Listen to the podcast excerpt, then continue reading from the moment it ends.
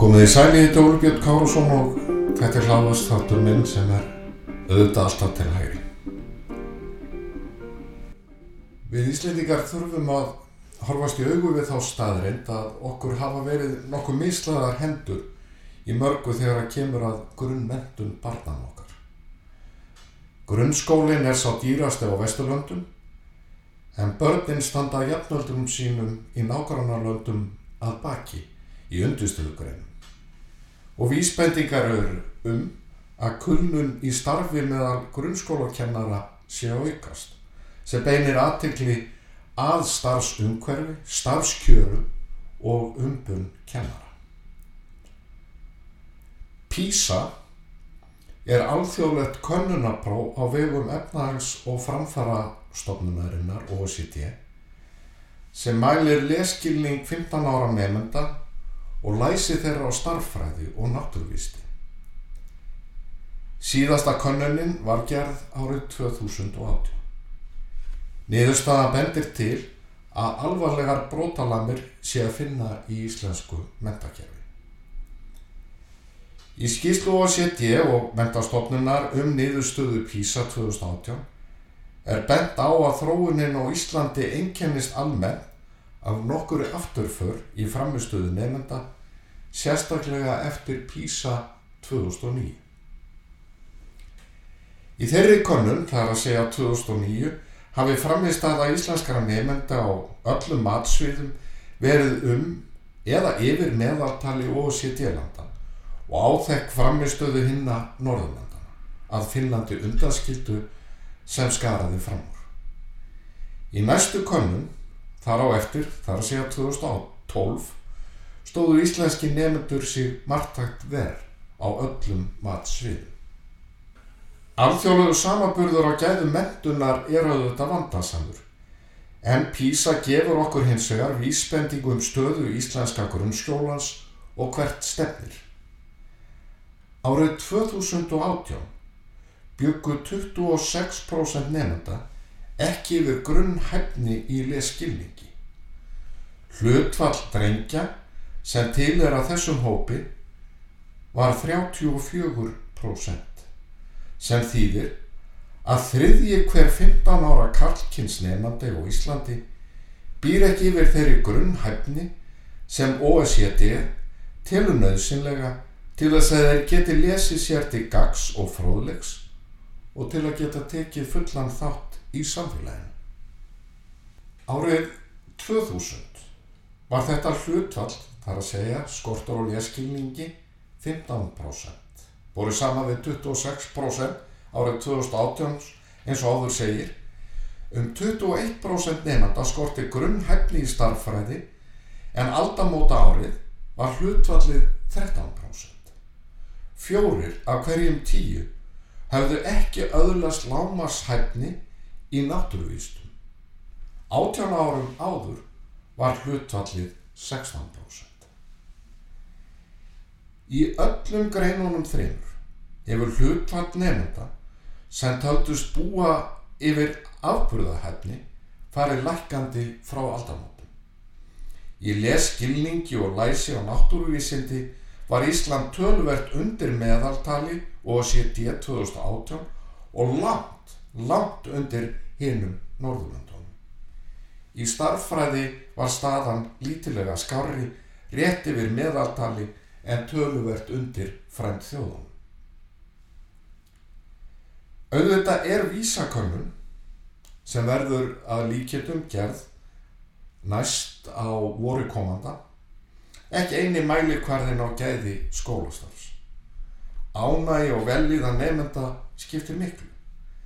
Að rækta hæfileika ungmenna á öðrum sviðum en písamælir er mikilvægt, sköpun og félagsfærni ræður miklu um hvernig nefnendur eru undir það búnir að takast á við áskoranir framtíðarinnar. Og eitthvað segir mér að þar stöndu við tilturlega vel í alþjóðlegum samanbyrði. Gott, öflut og fjölbreytt mentakerfi er mikilvægur hortsteinn Íslands samfélags. Mentun er spurningum samkjæmðishæfni landsins og þar með spurningum lífskjör, ekki síður en að það er mikilvægasta tæki sem við eigum til jöfnunar. Grunnskólinn er undirstaða alls í mentamálum þjóðarinnar. Vísbendingar um brotalamir við mentum grunnskólabarna ber því að taka alvarlega, án þess þó að mála allt svartum litum. Ég hef lengi verið samfærður um að umræðan um mentakerfið sé á nokkuru villugötum hér á Íslandi.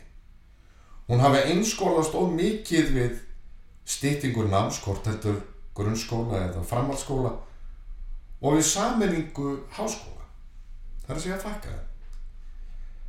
Þannig hefur aðteglinn farið frá gæðum og fjölbreytileika þess náms sem ungu fólki stendur til bóða í að horfa til þjóðhagslegs sparnaðar við að ungmenni vergi færri árum í grunn og framhaldsskóla. Afleðingin er svo að við höfum mist sjónar af markmiðinu. Að auka gæði námsins, undirbúa nefnundu sem best undir lífið og rækta hæfileika hvers og eins. Aðsennin í að ná markmiðinu er markvöld á við reiknaðan þjóðarslega sparnað af stýttingu náms. Fátt tryggir gæði betur en samkjæfni. Samkjæfni um nefnundur en ekki síður um kennara. Aukið sjálfstæði hvers grunnskóla, þar sem skólastjórnendur geta umbunað hæfileika ríkum kennurum, er á samt því að fjö fylgir nefnda mikilvægt skref í að tryggja skólastar fá að þróast í takt við kröfur framtíðarinnar. Miðstís skólakerfi býr ekki til jarðvegg fyrir nöðsilega nýskopun og stendur í vegi fyrir því að kennarar fá að njóta eigin frumkvæðis og hæfileika. En okkur Íslandingum gengur yfirleitt ítla að innlega með skipulugum hætti samkjæfni um þjónustu sem við erum þó sammála um að standa sameigilega undir. Því margir neyta að gera greinamun á því hver greiðir þjónustuna og hver veitir hennar. Ég hef ítrekka bent á hversu skinsalegt það er fyrir þann sem greiðir, þar að segja því ofenbera og í tilfelli grunnskólans, sveitafélögum, að efna til samkjætni millir þeirra sem hafa áhuga á að veita þjónustuna. Þetta og ekki aðeins við um grunnskólan heldur ekki síður um heilbriðiskerfið allt. Að öðru jöfnu leiðir samkjæfni til læra verðs, læri útgjálta en ávinningurinn er einni annar og miklu meiri. Fyrir þann sem nýtir sér þjónustuna er fátt betra en að keft sé um viðskiptin. Að fleirin einn og fleirin tveir berjast um að fá viðkomandi í viðskipti. Þjónustan verður betri, gæðin meiri og nær því að uppfylla þær þarfir sem fyrir hendi eru.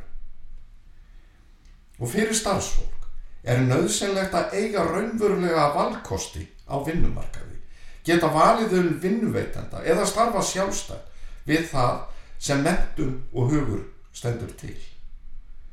Samkjafnu um vinnuafl leiðir til betri launa og heilbriðara starfsumhverfis þar sem kunnatu og færni er metin að verleiku. Umgjörð kjærasamninga má ekki koma í veg fyrir fjölbreytilega valkosti kennara. Hagsmunni sveitafélaga, kennara, nefnda og fóreldra eru samtvinnaði þegar kemur að því að hleypa ferskum vindum aukina samkjætni inn í grunnskólana. Þannig verður grunnur mentakerfi sinn styrtur og öflugast að tæki samfélagsins, mentun, til að stöðlað jöfnuði verður byggta. Ég þakka þeim sem hlýttu.